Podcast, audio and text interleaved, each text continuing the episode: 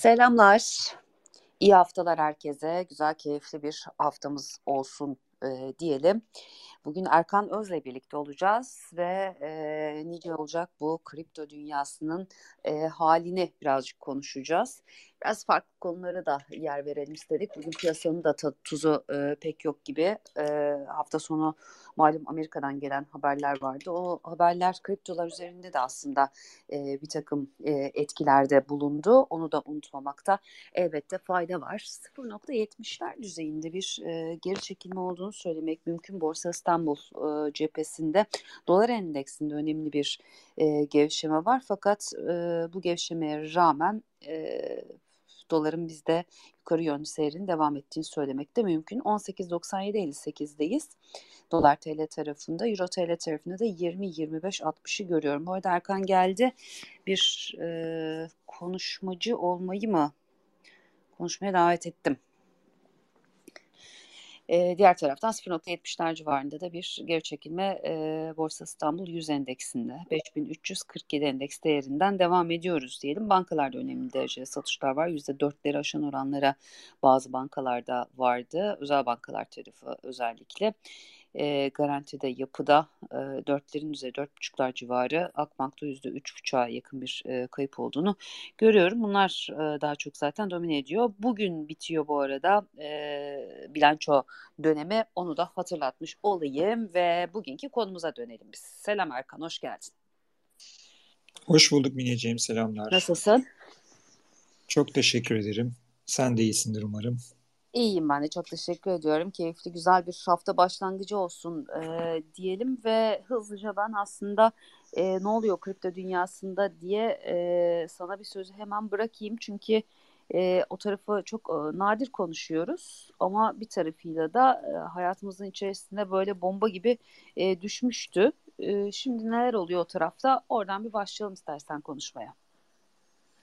Tabii yani sadece kripto piyasası değil e, hafta sonu bütün dünya piyasaları şöyle bir aman ne oluyoruz e, durumuna geldi. Konunun direkt aslında kripto piyasasıyla da ilgisi var. Yani bu Amerika'daki bankalara neden birdenbire müşteriler saldırdı da paralarını çekmek istediler. Hı hı.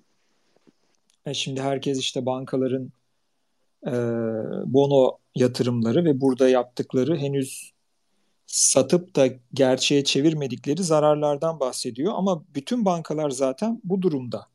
Her ki, yani bütün bankalara en büyüklere de hadi ben paramı çekmek istiyorum deseniz aşağı yukarı bu durumlara düşebilirler. Tabii onlar daha iyi risk yönetmişler. Bu bankalar daha kötü. Ee, hiç hemen hemen riski doğru düzgün yönetmemişler ama sonuçta işin bir şeyi var. Yani bankalara millet niye hücum etti? Özellikle bu bankalara. Hı hı. Çünkü e, Amerika'da biliyorsun e, bu FTX borsası battı geçen sene. Dünyanın en büyük işlem hacmi olan borsalarından biriydi yani ikinciydi muhtemelen. Amerika'nın da en büyük borsasıydı. Ve aynı zamanda bu FTX'in sahipleri e, Sam Bankman-Fried başta olmak üzere Demokrat Parti'nin en büyük bağışçısıydı. Bu Demokrat Partililer kripto sektörüne karşı bir şeyler yapmak istediler ama bu FTX'i e, batıran kişinin üzerine fazla gidemediler. Çünkü e, adam en büyük bağışçıları, e, iş bir yandan onlara bağlanıyor. Buna üzerine gidemeyince e, kripto firmalarının çok kullandığı küçük bir banka vardı Amerika'da. Silvergate, Gümüş Kapı Bankası Türkçesiyle. Hı hı.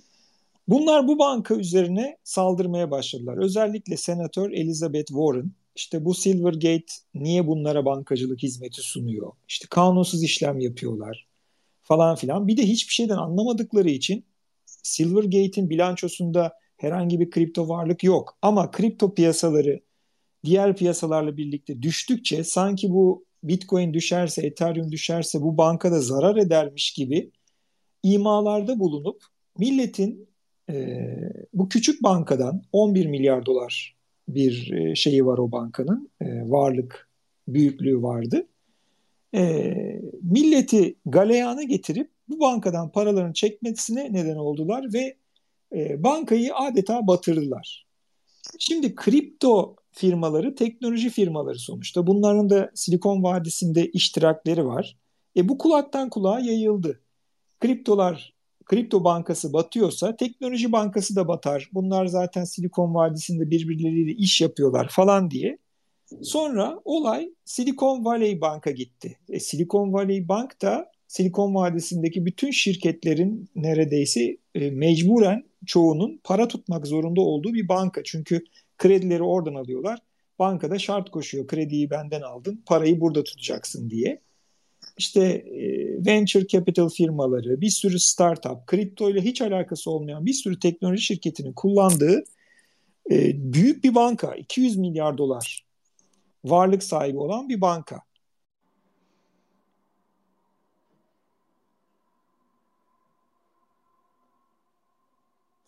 müşterilerin akınına uğradı ve bir anda batma tehlikesiyle karşı karşıya kaldı. Battı. Hatta daha sonra öğreniyoruz ki New York'taki Signature Bank'te aynı e, akıbete uğramış. Çünkü onların da kripto firmalarıyla işleri vardı. Ve hafta sonu öğrendik ki hem e, Silikon Vadisi Bankası hem bu e, New York'taki Signature Bank ikisi birden batmış ve ikisi birden e, federal yetkililer tarafından el konulmuş, kapatılmış. Şimdi hal böyle olunca konunun direkt kriptolarla alakası var. Ama propagandası yapıldığı gibi bu meseleye kripto e, ekosistemi yol açmış değil. Yani Bitcoin'de bir atak, işte işlemlerin gerçekleşmemesi, kapanma, iflas vesaire söz konusu değil. Yani merkeziyetsiz olan dünyada bunların olması mümkün değil. Zaten merkeziyetsiz dünyanın kurulma amacı bu. Batan, sorun çıkaran ne? FTX klasik bankalar gibi çalışan bir sistem. Merkezi, işte bilançosu kamuoya açık değil. Siz bugün Bitcoin'i girdiğiniz zaman hangi adres nereye ne göndermiş hepsini çok açık şeffaf bir şekilde görürsünüz. Ethereum'da aynı şekilde, başka blockchain'lerde, halka açık blockchain'lerde aynı şekilde. Ama FTX'i göremediğiniz için eski sistem e, tarzında kurulu bir firma olduğu için, eski bankalar gibi yönetildiği için FTX battı. Geçmiş olsun. E, siz dedikodu çıkardığınız için Silvergate, Silikon Vadisi Bankası, Signature battı. Burada da ne Bitcoin'in ne Ethereum'un Ama böyle bir, bir suçu yok. koduyla e, batma noktasına geldiğine göre zaten kripto dünyasına ilişkin e, ciddi bir güvensizlik ortamı vardı diye anlıyorum. Hayır şimdi kripto dünyası deyince e, biz kriptonun içinde olanlar yani blockchain'in içinde olanlar biz blockchain'leri anlıyoruz. Ama bu regülasyon tarafında olanlar borsaları anlıyorlar. Borsalar sizin e, modelinizde kurulmuş yapılar.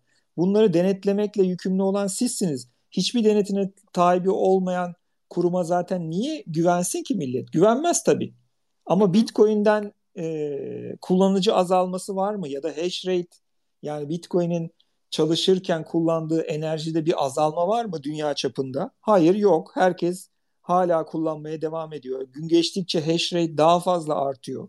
Yani regülatörler biraz da kendi eksikliklerini yani neden e, milyarlarca dolar para dönerken bu borsalarda siz FTX'e zamanında önlem almadınız? FTX Demokrat Parti'ye yardım yaparken iyiydi de e, siz denetim kurmadığınız için batınca kriptolar mı kötü oldu?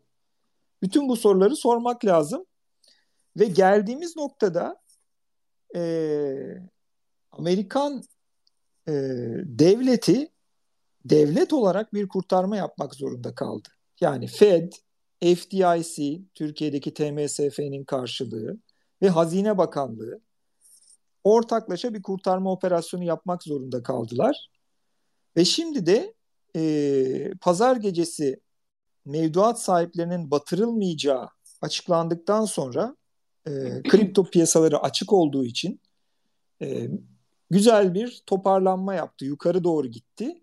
Yani bu bankacılık işindeki mesele daha da fazla yayılmayacak. E, mevduat sahipleri, çoğu da teknoloji şirketi sahibi olanlar e, mağdur olmayacak haberi geldikten sonra piyasalar buna olumlu tepki verdi. E, işte şeyde türev piyasalarda e, Amerikan borsaları da başlangıçta olumlu tepki verdi. Ama gün ağarıp da pazartesi sabah özellikle Asya ve sonrasında da Avrupa borsaları açıldığında özellikle Avrupa'da durum tersine döndü. Ve kriptolarda da o e, bakayım Bitcoin'de 22.600 lira 700 lira doğru bir e, yükseliş olmuştu. Oradan tekrar aşağıya doğru 22.000'e doğru bir geri çekilme oldu. Neden? Çünkü bu kurtarma planı evet mevduat sahiplerini kurtarıyor ama bankanın hissesini almış olanları, bankanın çıkardığı bonoları almış olanları, bakın yanılgı olmasın devlet tahvillerini ya da başka şirketlerin yani bankanın bilançosunda olanları değil, bankanın kendisinin çıkardığı bono ve hisse senetlerini alanları zararlarıyla baş başa bıraktı ki bankanın hisse senedi zaten e, çöp oldu. Yani yüzde 60, yüzde 70 düşenler oldu. Yüzde 30, yüzde 40 e, bir haftada eriyenler oldu.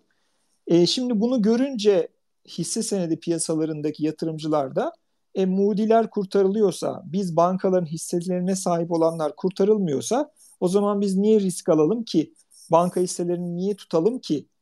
Dediler. Ve bu sabah e, özellikle Avrupa'da e, girişte sen de söyledin Türkiye'deki bankacılık hisselerinde de hı hı. kayıplar oldu. E, şimdi piyasa aslında cuma günü e, olduğu yerde çok mü- müthiş bir yer değildi. Yani enflasyon endişesi vardı. Fed 50 bas puan artırım yapacak diye türev piyasalarda fiyatlamalar başlamıştı. Borsalar zaten aşağı gidiyordu. Kriptolar zaten aşağı gidiyordu.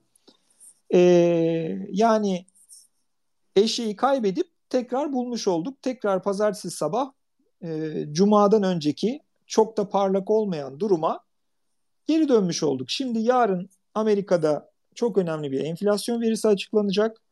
Bu enflasyon %6 bekleniyor piyasalarda yıllık olarak. Hı hı. Geçen sefer %6.4 gelmişti. Eğer beklentilerin üzerinde gelirse yine çok yani aşırı değil ama yine tatsız bir durum oluşmuş olur. Hele de bir önceki 6.4'ün üzerine çıkarsa e, zaten e, tekrar Cuma'nın öncesindeki o e, satışların derinleştiği duruma dönmüş oluruz. E, o yüzden piyasalar evet bir kurtarma operasyonu oldu ve Moody'ler kurtarıldı ama e, piyasalardaki karmaşa, belirsizlik, e, bu tatsız hava aslında dağılmamış oldu sonuç itibariyle. Peki şimdi bundan sonrası için e, nasıl bir yol izlenecek? Hem Amerika tarafına özellikle öncelikle soruyorum daha doğrusu. E, sonrasında da bunun e, Türkiye'ye ve sence finansal piyasalara yansıması nasıl olacak? Ya Amerika kadar çünkü bizde e, coin dünyasında yaşananlar finansal piyasaları direkt olarak e, şey yapmıyor, etkilemiyor. Ama e, sonuç itibariyle öyle ya da böyle bir etkisi mutlaka oluyor. Bu arada Oğuz Bey geldi bir şey soracak sanırım. Bir onun sorusunu da dinleyelim. Buyurun Tabii. Oğuz Bey. Sol altta mikrofon tuşunu açarak.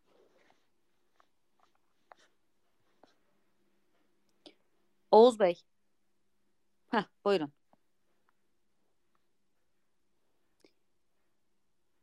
Yine dinleyici e, şeyine düştü, statüsüne düştü. Ee, biz devam edelim. Bağlantıda bir problem evet. olabilir. Soru Şimdi benim yapalım. gördüğüm şu, e, bu mesele kriptodan çıkıp da bankalara e, rücu etmiş bir mesele değil. Bu mesele Amerika'nın hızlı faiz artışıyla Amerikan bankalarının birçoğu da mecburen tutmak zorunda oldukları devlet tahvillerini batırması nedeniyle oluşan bir durum. Yani şu anda baktığımızda 2008 krizinde o kadar büyük bir krizde bankalarda yani FDIC'ye kayıtlı bankalarda oluşan realize edilmemiş yani satış yaptığınızda gerçek hale dönen bir zarar vardır ya bunu satış yapmazsanız bonoları satmazsanız o zarar gözüküyor ama e, real gerçeğe dönüşmemiş oluyor. Hı hı.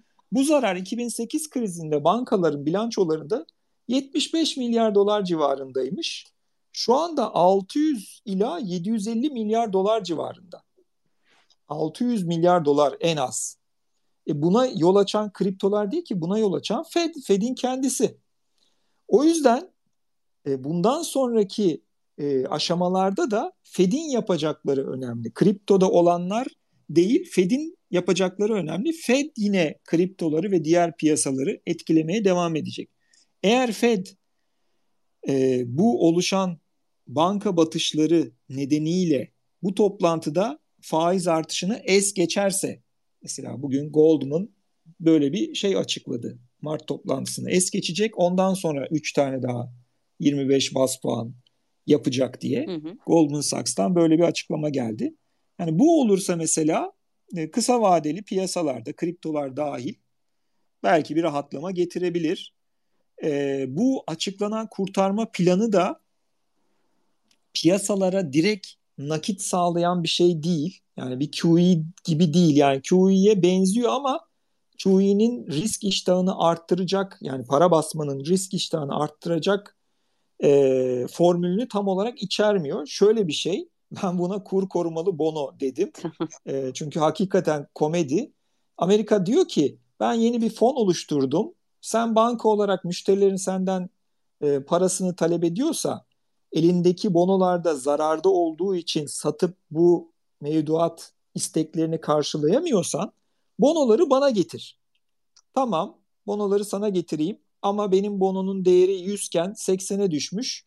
Tamam diyor ben senin ilk baştaki değerini kabul edeceğim. Yani 100 ise 100 sana kredi vereceğim. Ne kadar faizle? İşte FED e, gösterge faizin üzerine e, şimdi yalan olmasın galiba bir 5 ya da 10 bas puan ekleyerek e, sana kredi vereceğim. Yani QE'de yaptığı gibi bonoyu direkt satın alıp yerine direkt nakit vermiyor. Sadece kredi veriyor ve kredinin geri ödenmesi lazım ve üzerinde de e, Fed'in piyasaya verdiği düşük faizin biraz üstünde bir faiz var. Yani buradan piyasa çok rahatlamaz. Zaten bunu yapsa yani QE yapmaya başlasa Fed zaten kendi kendisiyle e, çelişir. Şu anda bir yandan harıl harıl e, QT yapıyor. Yani niceliksel daraltma ya da basit anlaşılsın diye benim söylediğim şekilde dolar yakma yapıyor. Bir yandan faiz arttırması e, devam etmesi söz konusu. Ya zaten kendi kendisiyle çelişirdi. E, bir oradan bir piyasalara pozitif etki alamıyoruz. Ama Goldman'ın iddia ettiği gibi eğer bu toplantıda pas geçerse FED, gerçi bu da kredibiliteye büyük darbe indirecek ama buradan belki piyasalar bir e, olumlu bir şey yakalayabilirler. Ama pas geçebilmesi için de yarın enflasyonun buna izin vermesi lazım. Yani yarınki enflasyon verisi o yüzden bayağı kritik oldu şu anda piyasalar için.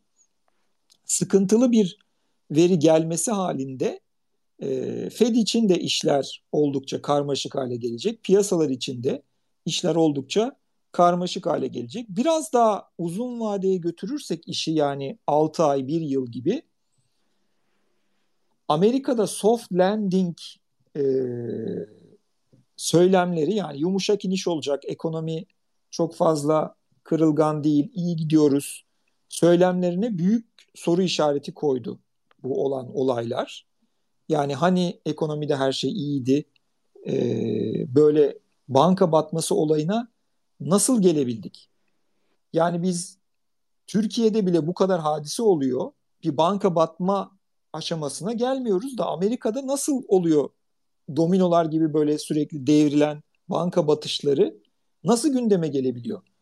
Yani nasıl biz burada kur korumalı mevduat yaptık? Amerika'da şu anda bayağı Nebati'nin yönetiminde olduğu gibi kur korumalı bono yaptı. Yani sen bonodan aslında 600 milyar dolar zarar ettin ama ben sanki sana zarar etmemişsin gibi e, bir seçenek sağlıyorum demek durumunda kaldı. Demek ki Amerikan ekonomisi öyle dışarıdan göründüğü gibi çok da sağlam değil.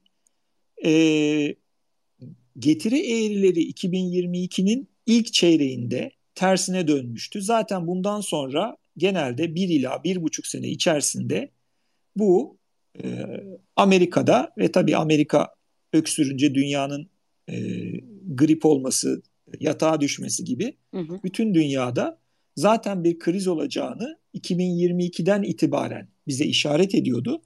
Bu banka e, meselesi de aslında buraya doğru gittiğimizi yani şu anda durum bir şekilde toparlanmış olsa bile bir krize doğru gittiğimizi bize gösteriyor aslında. Yani e, yakın zamanda e, bu işsizlik tarafında da e, kuvvetli artışların başlayacağını, ekonominin iyice yavaşlayacağını, likiditenin piyasadan çekildiğini, daha da çekileceğini e, aslında bize bir başka işaret olarak göstermiş oluyor. Bunun da zamanlaması için 2023'ün e, ikinci yarısı ya da 2024'ün başı diyordum ben en geç. E, e, herhalde o planda bir değişiklik yok. En geç o dönemlerde e, bunun daha büyük bir olaya, Amerika'da daha büyük bir yavaşlamaya e, dönüşeceğini görebiliyoruz. E, eğer bu böyle hani orderly olursa yani bir düzen içerisinde yavaş yavaş olursa piyasalarda bir çöküş olmadan Amerikan ekonomisinin aşağı doğru gitmesiyle piyasalarında yavaş yavaş aşağı doğru gitmesiyle bunu karşılayabiliriz ama e, eğer düzen içinde olmazsa da işte bugün e, Amerika'da bu hafta sonu gördüğümüz gibi e, olaylar olabilir. E, bankacılık sektörü e, de bir şey olmasına gördüğümüz gibi hemen yetkililer e, el koyuyorlar orada FDIC, Fed, hazine bir araya gelip hemen orada bir e, olayın 2008'e dönmemesi için tedbirler alıyorlar ama işte piyasaların kendi içinde çöküşler e, o dönem geldiğinde böyle e, dediğim gibi düzenli bir şekilde geri çekilme olmazsa tabii bir anda e, başka başka çöküşlerle de karşılaşabiliriz. Peki şimdi e, yakın zamanda e, ortaya çıkacak e, bir güvenebileceğimiz e, blockchain sisteminin ya da başka bir sistem içerisinde bulunan bir e, coin olacak mı? E, burada tabii e, şimdi şey tartışması başladı kripto piyasasının içinde. Stable coin tartışması başladı. Çünkü bu en güvenilen stable coinlerden çünkü Amerika'daki kayıtlı bir şirketin denetiminde olduğu için çok güvenilen bir stable coin vardı. Yani dolara bir dolara eşit olduğu söylenen USDC Circle şirketinin Amerika'da bilinen e, kayıtlı denetime tabi olan büyük bir şirketin çıkardığı bir coin'di. Fakat tabii stable coin şirketleri e, para piyasası fonları gibi biraz çalışıyorlar. Yani bir sermayeleri var. Bunu da milletten topluyorlar, halktan topluyorlar ve o sermayenin karşılığında e, kripto olarak bir dolara eşit coinler çıkarıyorlar. Hı. Fakat bu Circle şirketi e, bu paranın yani sermayesinin e, yaklaşık 40 milyar dolar olması lazım sermayesinin 3.3 milyar dolarını bu batan Silikon Vadisi Bankası'nda tutuyormuş. Bu öğrenilince e, bir panik havası oluştu ve e, 1 dolar olması gereken USDC'nin fiyatı böyle 90 sentlere doğru düştü. O anda USDC'sini elden çıkartanlar yaklaşık %5, %10 zarar ettiler. Ee, bu eskiden beri diyorsun o zaman. Stable'ın stable'lığı orada bozuldu. Buna hı DPEG deniliyor. Yani e, dolara eşit e, dövizi olan bazı ülkeler var mesela Hong Kong falan gibi onların depek olması gibi düşünebiliriz hı hı. bunu. E, bu durum şimdi kurtarma e, olayından sonra toparlandı fakat stable coinler e, kripto piyasasında daima bu e, şeyle karşı karşıya, bu tehlikeyle karşı karşıya. O yüzden ben mesela diyorum ki işte USDC'ye çok güveniyorum. İşte USDC batarsa zaten bütün kripto piyasası da batar mantığıyla düşünmek yanlış. USDT için ya da BUSD için hepsi için geçerli. Bunların hiçbirine e, büyük oranda e, para yatırıp e, en çok buna güveniyorum burası olsun dememek gerekir. Çünkü bu zaten merkeziyetsizlik görüşüne de karşı. Yani sen bütün paranı bir merkezde toplamış oluyorsun. O yüzden mümkün olduğunca bunları çeşitlendir. Yani nasıl e, borsada tek hisseye yatırım yapmak tehlikeli ise Burada da dolarda kalmak istiyorsan seçeneklerini çeşitlendir. Yani ya e, bu işin içine bankada dolar tutmayı da koy e, ya da kripto illa tutacaksan da tek bir e, stable coin'de tutma. Şimdi bu stable coin mevzusu ortaya çıktı. Amerikalı regülatörler bu banka batışı olmadan önce zaten kriptoların üzerine gelmeye başlamıştı. Ee, burada şöyle bir durum ortaya çıktı. Ee, Gary Gensler yani bu SEC'nin başkanı yani bizdeki SPK'ya karşılık geliyor. Çıktı dedi ki bir gün e, Bitcoin dışındaki hemen her şey e, menkul kıymet olarak değerlendirilebilir. Hatta stable coinlerden bir tanesi olan BUSD'ye de aynı şeyi söylediler. Bu zaten kripto piyasası içerisinde bir endişe yaratmıştı daha bu banka olayları falan olmadan. Yani SEC'ye herkes tabi mi olmak zorunda kalacak vesaire diye. Bütün bu tartışmalar ortaya şöyle bir sonuç çıkarmıştı. Ya stable coin ya da altcoin hepsini bırakalım. İşin biz eski şeyine dönelim. Çünkü eskiden stable coinler yokken kripto piyasasında borsalarda pariteler BTC üzerinden, Satoshi üzerinden yani BTC'nin kuruşu üzerinden giderdi. Yani başka bir altcoin mesela Ethereum sat cinsinden yani Satoshi cinsinden e, alınır satılırdı. En iyisi buna mı dönmek diye bir tartışma çıktı. Yani en güvenli liman aslında kriptoda ne stablecoin ne şu ne bu. Ee, acaba bitcoin mi diye böyle bir görüş e, yayıldı. Yani yeni bir coin çıkmasından ziyade daha da eskiye dönelim. Bu işin özüne dönelim. İşte stable coinler Bitcoin'in aslında piyasa payından çalıyor gibi görüşler ortaya çıktı. Ha bunun bir geçerliliği olur mu? Bunun geçerli olabilmesi için Amerika'da bu bankacılık krizinin devam ediyor olması gerekirdi. Stable coinlerin sıkıntı yaşıyor olmaya devam ediyor olması gerekirdi. Bunlar olmadığı için muhtemelen bu da e, bir görüş olarak e, kalacak. E, piyasaların e, nasıl yönleneceğini, kripto piyasası dahil yine e, başta Amerika'yı takip ederek, Fed'i takip ederek e, çıkarsamaya çalışacağız. Ama şunu soruyorsak yani bundan sonra kripto dünyasında hangi coinler daha çok ilgi görür diye bir şey soruyorsak onun ben cevabının e, 2024 yılı başlarında alınmaya daha net başlayacağını düşünüyorum. Çünkü her kripto yükseliş sezonunda e, belirli modalar ortaya çıkar. Mesela 2017'de IPO modası vardı. Yani kripto halka arzı. Yüzlerce belki binlerce e, IPO yapıldı. Milyarlarca dolar para toplayan kripto projeleri oldu. O bir furyaydı.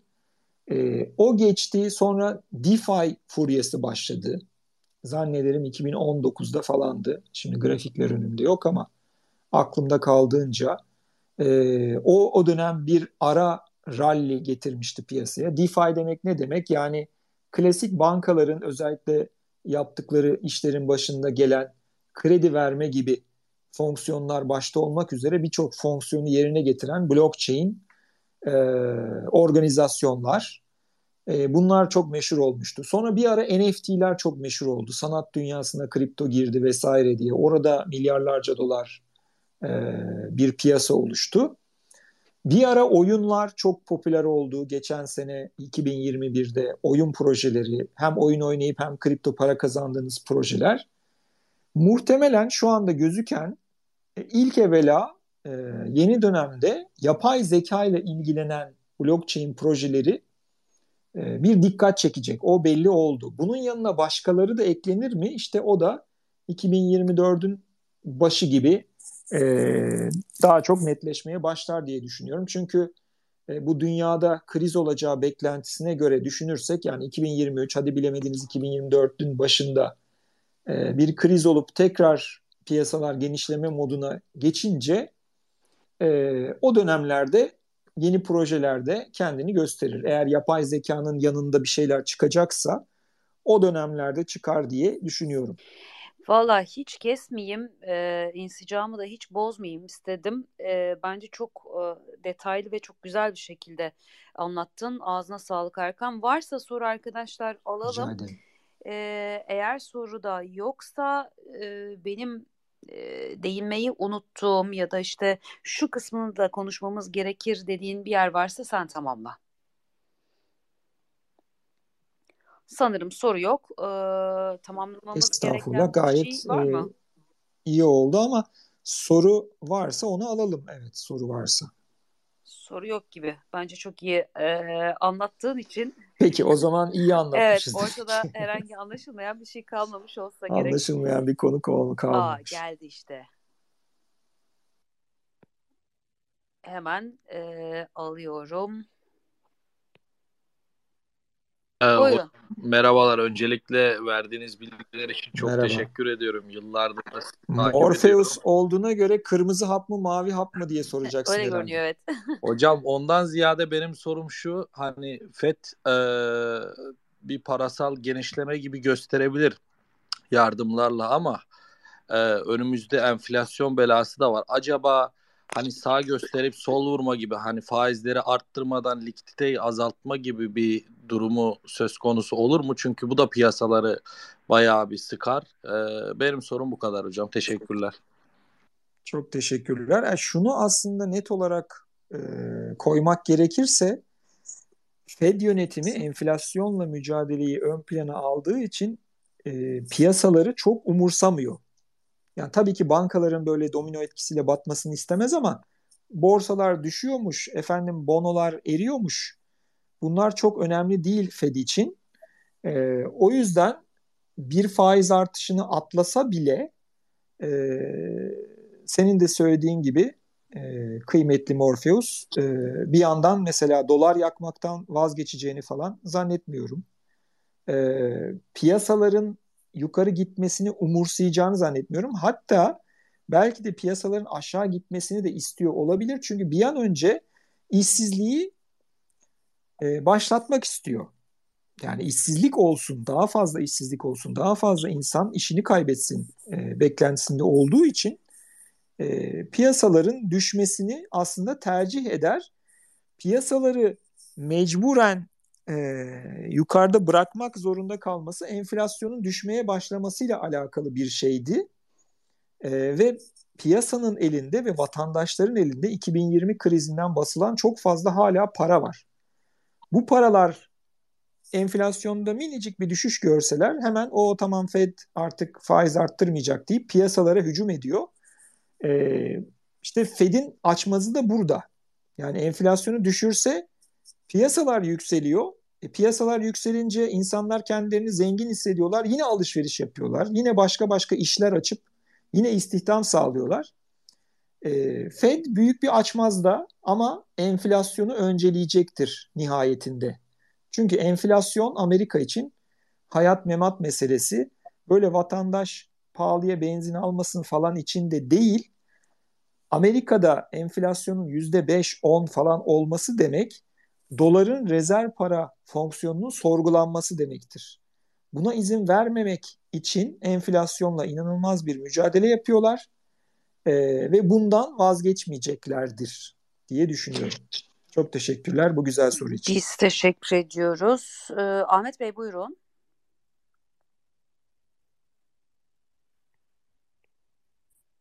Ahmet Önal. Sol altta bir mikrofon tuşu var. Ben ona yanlışlıkla basmıştım ama. Peki o zaman görüşmek üzere. Hoşça Ama ben şöyle bir soru sorabilirim hocama. Mina hakkında bir e, soru sormak istiyorum ama. Mina ne olur?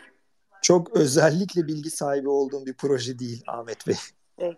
Yani hepsi. Bitcoin ve Ethereum'u takip ediyorlar. Peki bir başka. Ahmet Bey'i alalım o zaman. Hocam hocam saygılar herkese. Saygılar bizden Selamlar, selamlar. sevgiler, Evet. saygılar. Teşekkürler. Ee, ben bu hocam özetlediğiniz durumun ons altın ve ons gümüşe etkisi konusunda e, bilginizi rica edecektim. Teşekkür ederim. Ya onun analizini yapmak için e, şeye bakmak lazım Ahmet Bey. Reel faizler ne oluyor? 10 yıllık Amerikan reel faizleri ne olacak? Bunlara çok dikkat etmek lazım. E, faizlerin işleyişine göre altının tepkisi değişiyor, değişik e, olabiliyor. Şu anda bir yükseliş var. E, bunun sebebi Amerika'da bankacılık sistemine yönelik bir güvensizlik ortaya çıkmış olması. Altında bir önemli seviye var. Oradan size yardımcı olmaya çalışayım. Bir saniye. Şöyle grafikimi bir açarsam.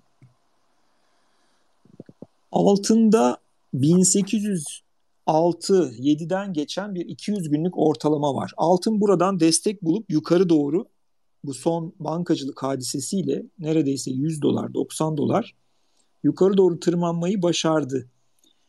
Ee, Amerika eğer genişletici politika yönünde bir şeyler söylerse yani enflasyon yarın düşük gelirse Fed'in faiz artışı yapmayacağı vesaire anlaşılırsa altın buradan daha da yukarı gidebilir. İlk durağı da neresi olur? Ee, 1900 ve daha da e, şey olan bölüm 1920 hatta onun da üzerine çıkarsa 1960'a kadar yolu var. Ama bu 200 günlük ortalamayı kaybederse bir şekilde yarın enflasyon verileri kötü geldi.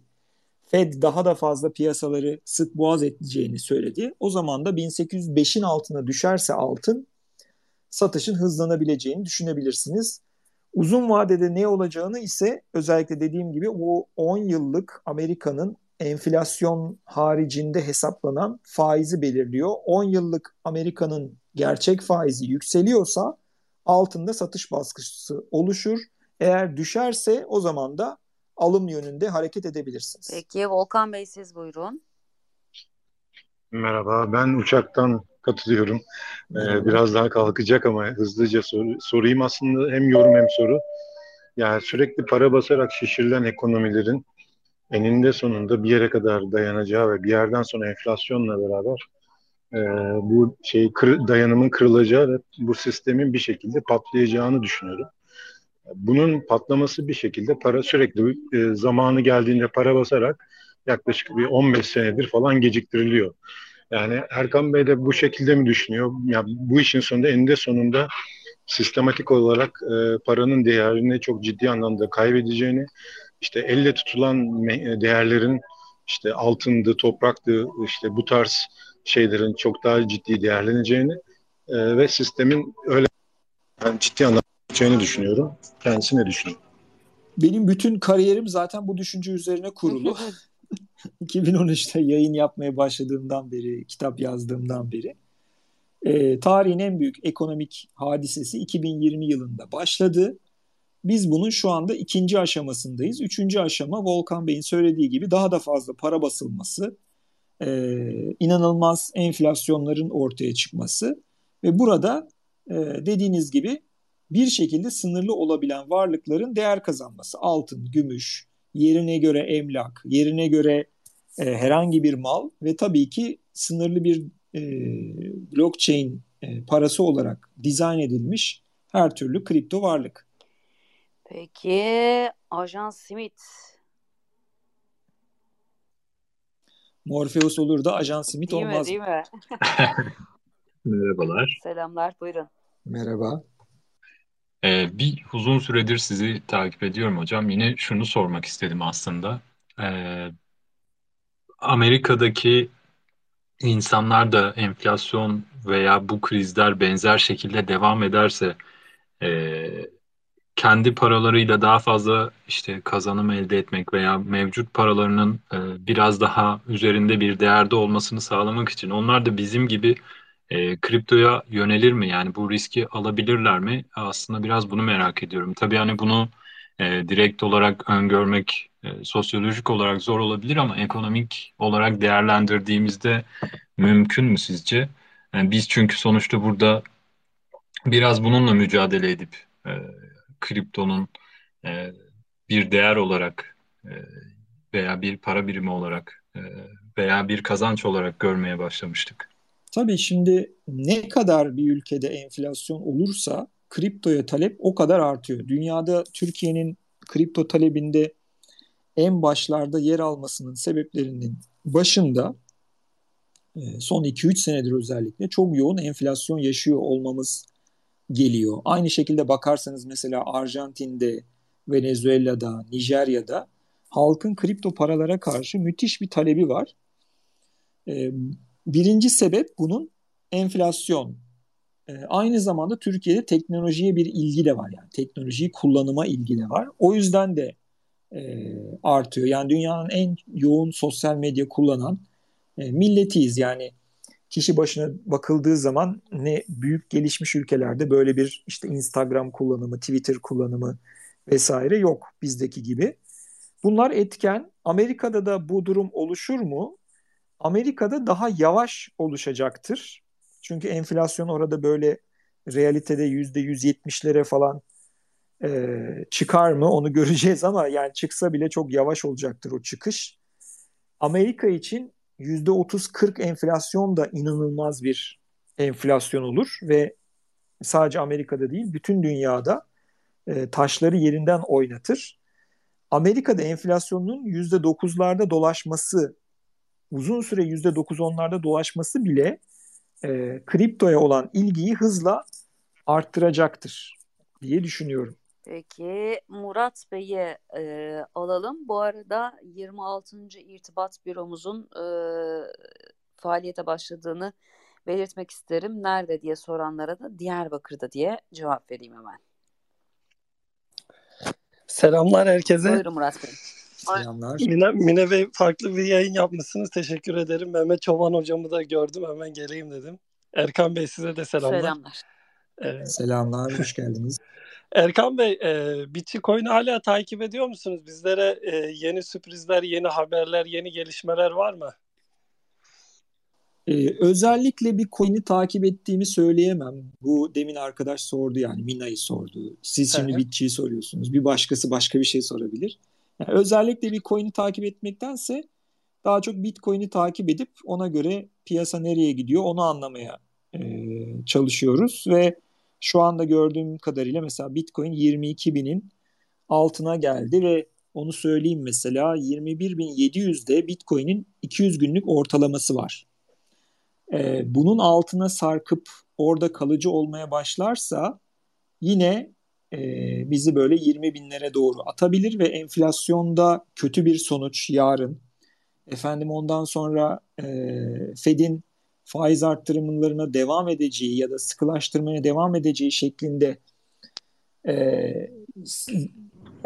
daraltıcı e, hadiseler önümüze gelmeye devam ederse e, bu Bitcoin 20 binlerden önce 18 binlere oradan hatta 17 bin 400 17 bin bandına bile çekilebilir. Yukarıda ise 21.750'nin üzerinde kalıcı olmak gerekiyor. Eğer bu kalıcılık sağlanabilirse e, yukarı doğru bir e, atak yapabilme imkanı olur Bitcoin'in. Bu soru üzerine e, bunları söylemiş olayım. Elbette diğer coinler de Bitcoin'e göre e, şekillenecektir, sıralanacaktır. Peki hadi bakalım. Serkan Bey sizi alalım. Hangi önceliğe e, bakarak alıyorsun derseniz info yatırımın e, hesabını takip edenlere öncelik veriyorum. Merhabalar, İzmir'den selamlar. Selamlar. Merhabalar. Erkan Hocam merhaba. Sizinle daha önce yazışmıştık. Merhabalar. Çok kısa bazı sorularım olacaktı. Geçen her gün Fed'in yumuşak iniş söylemlerinin boşa çıktığını görüyoruz. E, global ekonomide de ABD kaynaklı bir kriz bekleniyor. Siz de zaten bunun e, bekleyenlerin öncüsündesiniz. E, baktığımız zaman e, bu krizin geleceği bir hiperenflasyon ile sonuçlanacak gibi gözüküyor.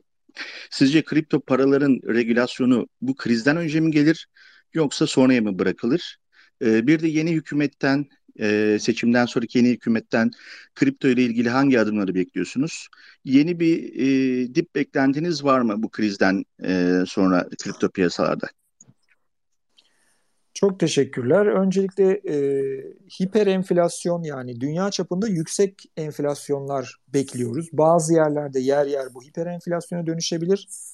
E, Batı ülkelerinde dediğim gibi Amerika'da, Avrupa'da, Japonya'da yani e, yer yer yüzde beş bile çok yüksek e, onlar için e, enflasyon demek oluyor. Yüzde dokuz on hatta yirmi otuzlar falan görülürse önümüzdeki yıllarda onlar için adeta zaten hiper enflasyon olur. E, bu krizde yeni bir dip olabilir mi? Eğer Bitcoin e, böyle bir 30 bin, 40 bin, 50 binlere çıkabilirse krizden önce yani Fed'in işte bu faiz artışlarını bir noktada durduracağını varsayıyoruz. Eğer piyasalar hala ellerinde o zaman harcayacakları para kalırsa ve risk iştahı bundan dolayı yükselirse, piyasalar bir yukarı e, böyle yalancı bahar gibi bir atak yaparsa e, o zaman düşüş meydana geldiği zaman e, bu gördüğümüz diplere kadar umarım düşer. Yani bu tahmin değil de inşallah dediğim yani inşallah böyle olur e, dediğim bir durum. Eğer bu yapılamazsa o zaman tabii ki mevcut şu anda ulaştığımız diplerin altı da e, çok çok derine gitmemek kaydıyla e, diye düşünüyorum. Söz konusu olabilir. E, üçüncü soru Türkiye'de e, mevcut ya da e, de, değişik bir partinin, değişik bir adayın kazanması durumunda yeni gelecek hükümetten elbette beklentilerimiz var. Birincisi piyasayı bir kanunla düzenlemeleri kripto piyasasını ve bu kanunun e, piyasayı öldürmeyecek ama yatırımcıyı da koruyacak bir kanun olması. Demin yayının başında Amerika'da da aynı sorundan bahsettik. Ya yıllardır buralarda yüz milyarlarca dolar, trilyon dolar dönüyor ama regülatörler, düzenleyici kurumlar her ne hikmetse burayı böyle başı boş bırakıyorlar. Adeta bizde şöyle bir düşünce de oluştu. Ya bunlar başı boş bırakıyorlar ki hani batsın. Batınca da biz bunlara daha sert e, istediğimiz gibi şekil verebiliriz e, gibi belki de bir düşünceleri var ne yazık ki. Bir an önce yatırımcıyı koruyacak. Mesela FTX ya da Türkiye'deki herhangi bir borsa bunlar banka gibi çalışıyorlar. Adeta mevduat topluyorlar. Bu mevduatlarla çeşitli işlemler yapıyorlar. Hiçbirini bizim görme şansımız yok. Bunlar banka gibi çalışıyorlarsa bankacılık mevzuatına benzeyen bir mevzuatla bunları e, bir denetim altına almak lazım ve yatırımcıyı burada korumak lazım. Ama yok efendim yurt dışından şu coin'i getiremezsin, bu coin'in nerede listeleneceğine biz karar vereceğiz falan gibi kuruluşun kendisinin vermesi gereken e, kararları e, ya da yatırımcının vermesi gereken kararları sen anlamazsın ben anlarım deyip işte devlete yüklemek falan bunlar e, olmaması gereken şeyler. Yurt dışı ile Türkiye'nin bağlantısını kesmek bunlar olmaması gereken şeyler. Ve e, sanki Türkiye'den yurt dışına para çıkıyormuş anlayışıyla bir düzenleme yapmamak gerekiyor.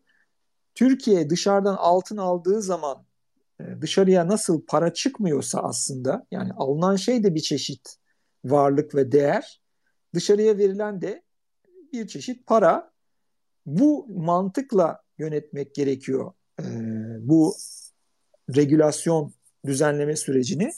Amerika'da muhtemelen e, önümüzdeki aylarda e, regülasyon konusunda yeni gelişmeler göreceğiz muhtemelen. E, bu kriz e, esnasında bitirilir mi, krizden sonraya mı kalır bir kısmı bilmiyorum ama e, hızlı bir şekilde muhtemelen yapılacak. Bence yapılmasında da fayda var. Yani bu oyun sahasında hangi kurallarla insanların yatırım yapacağını önceden bilmeleri hiçbir kuralın olmamasından bence daha iyi. Bir an önce sektörü öldürmeyecek, yatırımcıyı koruyacak, blockchain teknolojisinin gelişimine engel olmayacak yasal düzenlemeler bir an önce gelmeli bence. Ve Türkiye'deki yine partilerden, adaylardan en büyük beklentimiz de şu. Efendim kriptolara farklı vergi uygulayalım. E, bu olmaması lazım. Yani normalde borsada bir insan para kazandığı zaman nasıl vergilere tabi ise en fazla onlar olmalı. Hatta bana kalırsa aslında teşvik için vergi de olmamalı ama hadi oluyorsa da e, en fazla borsada, altında, dövizde işlem yapanlar kadar vergiler olmalı. Bunun üstünde ekstra vergi e, talep edilmemeli. Peki hadi bakalım kriptolog. Ee, merhaba ee, Erkan Bey, e, Info Merhabalar. Ee, değerli bilgileriniz için öncelikle teşekkür ederim. Benim iki tane bilginizi alacağım konu var. Bir tanesi S&P hakkında. Şu an grafiği de karşımda. Malum biliyorsunuz 9 Mart'tan beri bizim şelale dediğimiz tabirle bir düşüş söz konusu. Ve bu şu anki seviyesinde bir destek haline geldi. Buradaki sorun bu desteği kırma ihtimali nedir sizce? Yani bir sonraki destek zannedersem 3700'lü seviyelere falan geliyor. Buralara gelme ihtimali olabilir mi? İkincisi malum bizim e, BIST e, diğer global borsalardan biraz ayrışmıştı geçenlerde yani geçen aylarda. Bu ayrışma devam eder mi yoksa yine e, global borsalarla hareketini sürdürebilir mi? Teşekkür ederim. Ben teşekkür ederim. E, S&P 500'ün 3700'e düşüp düşmeyeceğini yarın muhtemelen öğreneceğiz. E, eğer enflasyon kötü gelirse 3700'e doğru bir hareket başlayabilir. E, BIST'te ise şu anda yurt içi siyasi gelişmeler daha çok aktif gibi görünüyor. Yani e, bu yeni iktidarla birlikte bu mevcut partilerin kazanmasıyla da oluşabilir. Başka partilerin, başka adayların kazanması ile de oluşabilir. Bu yeni ekonomik ortam ne olacak? Yani IMF'ye mi gidilecek? Bu politika düşük faiz politikası değiştirilecek mi, değiştirilmeyecek mi? Bu yönde yapılan açıklamalar daha çok bizim borsayı şu anda etkiliyor gibi. Yani çok fazla teknik analiz yapılacak bir durumdan ziyade yeni yönetimle ilgili e, beklentiler borsayı hareketlendiriyor gibi görünüyor. Peki hadi bakalım kime Veli Bey'i alıyoruz? Merhabalar hocam. Öncelikle iyi yayınlar. Merhabalar. E, hocam benim sorum e, Fed'in yapmış olduğu politikayla alakalı bir sorum olacaktı. Yani 2008 yılına kadar toplam rezerv para 800 milyar dolarken e, mortgage kriziyle beraber basılan parayla 3,5 trilyon dolara çıkıp e, daha sonra bu paranın e, azaltılmasıyla alakalı bir politikaya girilip de e, Covid'in çıkmasıyla beraber tekrar parasal genişlemeye gidilmesi e, bizi çıkmazlara sokuyor. E, yeni dönemde sorum şu şekilde. Yeni dönemde e, bu hikayeler yeniden yazılır mı? E, FED önce daraltmaya gidip e, gibi görünüp daha sonra da daha e, büyük genişlemeler yapılır mı? E, 2030'a kadar yani nasıl bir politika izlerler? E, bu konuda sizin yorumlarınızı bekliyorum hocam.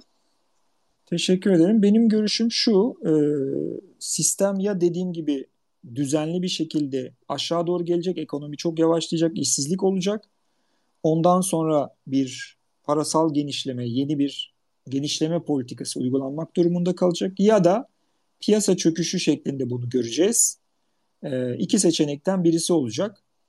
E, zaten enflasyonu bu kadar yükselmişken düşürmenin başka çaresi yok. E, bunlar gerçekleştikten sonra e, belki bir müddet bekle gör yapabilirler. Daha sonra da bir süre sonra en azından faizleri düşürerek yeniden piyasalara yeşil ışık yakacaklar ve oradan sonra da e, yeniden e, para basma hareketleri başlayacak kaçınılmaz olarak. E, ondan sonra da piyasalar yükselişe geçecektir diye düşünüyorum. Peki Mac'ten alalım sorusunu. Bir saniye. Alo. Buyurun. Ah, pardon. Merhaba. Buyurun. İyi günler Merhabalar. herkese. Erkan Hocam öncelikle sizi hani tanışmak büyük bir zevk ve şeref benim için. Ee, o şeref bize ait. Yani Türkiye'de en beğendiğim iktisatçısınız, ekonomistsiniz, yazarsınız. Çok teşekkür ederim bu fırsatı verdiğiniz için. Ee, ben şimdi önce iki sorum olacak. Daha doğrusu bir itirazım, bir de sorum olacak. Sorum şu, e, 2001'de, 2008'deki krizlerde bugünden farklı olarak bir enflasyon sorunu yoktu. O yüzden o zamanlarda e, para basarak bu işin içinden çıkabildiler. Ama şu anda Fed'in karşısında dağ gibi bir enflasyon sorunu var. Ve bence Jerome Powell bu işi yani en başından beri zaten siz de keza defaatle aynı şeyi söylediniz de en başından beri tamamen ya bilerek ya bilmeyerek yanlış yönetti. E, bence zaten ilk yanlış e, faiz artırımıyla yani QT yapmak yerine faiz artırımıyla başlamaları ve sonrası geldi. Ama 2001 ve 2008'den farkı enflasyon olmaması. Şimdi öyle bir hale geldik ki ben bu işin içinde nasıl çıkacaklarını anlayamıyorum. Biraz Gerçekten öngöremiyorum. toparlayarak hızlıca sorabilir misiniz rica etsem? Tamam peki hemen hemen sorayım. Lütfen. Ee, öngöremediğim şey şu. Ee, yani bono piyasası bu haldeyken, türev piyasaları bu haldeyken, bankalar bu haldeyken, enflasyon bu haldeyken biz nereye gidiyoruz? Yani QE'ye mi dönecekler tekrar? Yani bir pivot yapacaklar mı? Yoksa böyle mi gidecek? İkincisi, ikinci şeyim de şu. E, yani bu Ya da ikinciyi uzatmayayım. Sadece bunu sorayım ben. İkincisi çok uzun bir konu çünkü. Bir dahaki Onu sormayayım. e, Onu... yayını alırız. Nasılsa takip edeceksiniz Aynen. hem bizi hem e, şeyi infoyu hem Erkan Bey'i. Erkan Hoca'yı zaten. Siz de bu saatten sonra infoyu da takip edeceğiz. Teşekkür ederiz. Sağ olun. Çok teşekkürler sorunuz için. Şimdi ben bu konularda şöyle yapmayı düş, e, daha uygun buluyorum. Yani çok yakın dönemde Fed şu anda ne yapacak diye kestirmeye çalışıp ona göre pozisyon almaktansa olacak olayları görmeyi yeğliyorum. Yani yarın enflasyon kötü gelirse e, Fed mecburen yükseltmek zorunda kalacak. Ne zaman e, pivot yapabilir? Enflasyon istediği seviyelere yaklaşırsa. Bunu da en baştan açıklayacaktır zaten. Açıkladığı zaman ona göre pozisyon almak gerekiyor. Şimdiden Fed ne yapar diye tahmin etmeye çalıştığınızda gelen verilere göre yanılma ihtimaliniz var. Gerçekleşmelere göre pozisyon almak daha e, güvenli olabilir diye düşünüyorum. Çok teşekkürler tekrar. Peki ağzına sağlık Erkan. Çok teşekkür ediyorum ben de. Çok doğru bir e, zamanlamada çok doğru bir ve çok merak edilen bir e, Rica ederim. konuyla Ben teşekkür ederim fırsat verdiğiniz için. Ben tekrar teşekkür ederim. Tekrar ağzına sağlık. Arkadaşlar herkese de iyi bir hafta e, ve bol kazanç diliyorum. E, bu akşam saat 18.30'da Instagram'da yine bu akşam e, 21'de YouTube'da yayınlarımız devam edecek.